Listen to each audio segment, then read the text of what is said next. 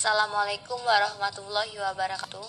Perkenalkan nama saya Melinda Agustin dari kelas 11 IPS 3 dan di sini saya akan menjelaskan tentang sejarah Sumpah Pemuda.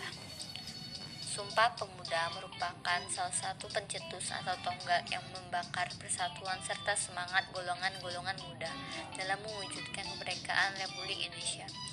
Sumpah Pemuda diperingati setiap tanggal 28 Oktober sebab pada tanggal 28 Oktober 1928 para pemuda Indonesia bersepakat untuk mengucap sumpahnya. Adapun isi sumpah tersebut yakni sebagai berikut. Pertama, kami putra dan putri Indonesia mengaku bertumpah darah yang satu tanah Indonesia. Kedua, kami putra dan putri Indonesia mengaku berbangsa yang satu bangsa Indonesia.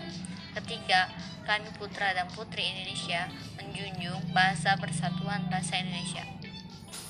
Lantas bagaimana sejarah tercetusnya Sumpah Pemuda pada tanggal 8 Oktober 1928? Berikut ulasan singkat Okizon sebelum tercetusnya Sumpah Pemuda pada 28 Oktober 1928 merujuk berbagai sumber. Mungkin itu saja yang dapat saya sampaikan. Lebih dan kurangnya saya mohon maaf pada Allah saya mohon ampun. Wassalamualaikum warahmatullahi wabarakatuh.